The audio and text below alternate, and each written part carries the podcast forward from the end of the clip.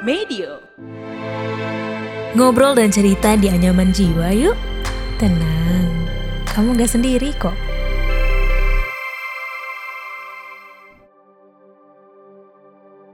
Punya waktu yang sempit karena kesibukan sehari-hari pasti bikin lo jadi gampang gelisah. Apalagi hidup itu kan penuh dinamika. Di sela-sela kesibukan itu, lo jadi tertekan sampai berpengaruh ke kehidupan sehari-hari lo. Alhasil, lo pun jadi gampang stres yang akhirnya malah memicu emosi. Kalau udah kayak gini, lo nggak boleh abai sih. Soalnya, kalau nggak bisa cari coping mechanism yang tepat, bisa aja malah berujung kelelahan mental. Pasti lo nggak mau kan hal itu terjadi. Penting banget loh buat punya kemampuan meregulasi emosi.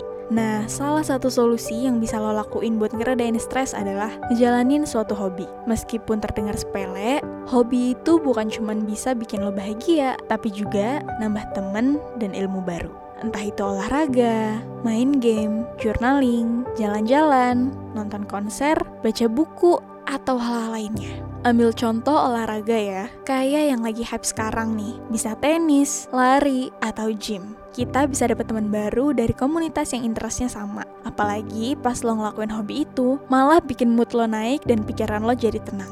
Akhirnya, lo jadi lebih rileks karena punya kehidupan lain di luar rutinitas dan berpengaruh sama tingkat produktivitas lo. Gue ngerasain sendiri sih, kalau pikiran tenang dan mood terjaga, energinya bisa keisi lagi buat ngelanjutin aktivitas sehari-hari.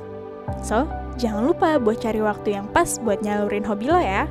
Nah, buat lo yang belum tahu hobi lo apa, pakai deh waktu itu buat eksplorasi kegiatan yang unik dan ikut coba bareng teman-teman lo.